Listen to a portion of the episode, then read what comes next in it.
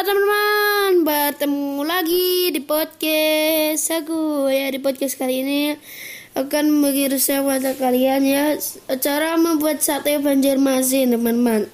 Sate Banjarmasin loh teman-teman. Haluskan bawang putih kita haluskan dulu, bawang merah dan cabai merah. Kita haluskan, tambahkan gula pasir, garam, tomat, kecap manis dan minyak goreng. Aduk gulung-gulung teman-teman.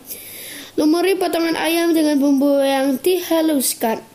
Tusukkan daging ayam berbumbu tadi ke tusuk sate. Biarkan selama 60 menit. Kita biarkan dulu agar nanti satenya bisa empuk ya teman-teman. Lalu bakar sambil sesekali. Nah, bakar sambil sesekali kita olesin agar bumbunya itu bisa meresap. Daging ayam matang sajikan selagi hangat. Bagi kalian suka dengan podcast ini, jangan lupa ikutin terus, dengan terus.